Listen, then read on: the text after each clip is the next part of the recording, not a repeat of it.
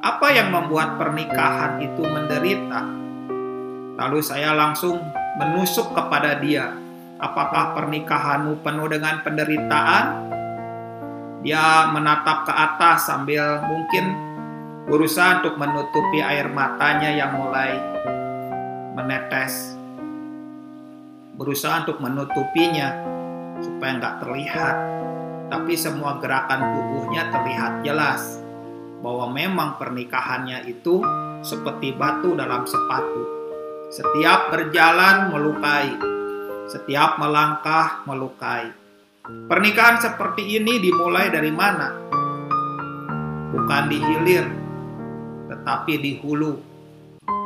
Segala sesuatu yang terjadi itu justru masalahnya di hulu.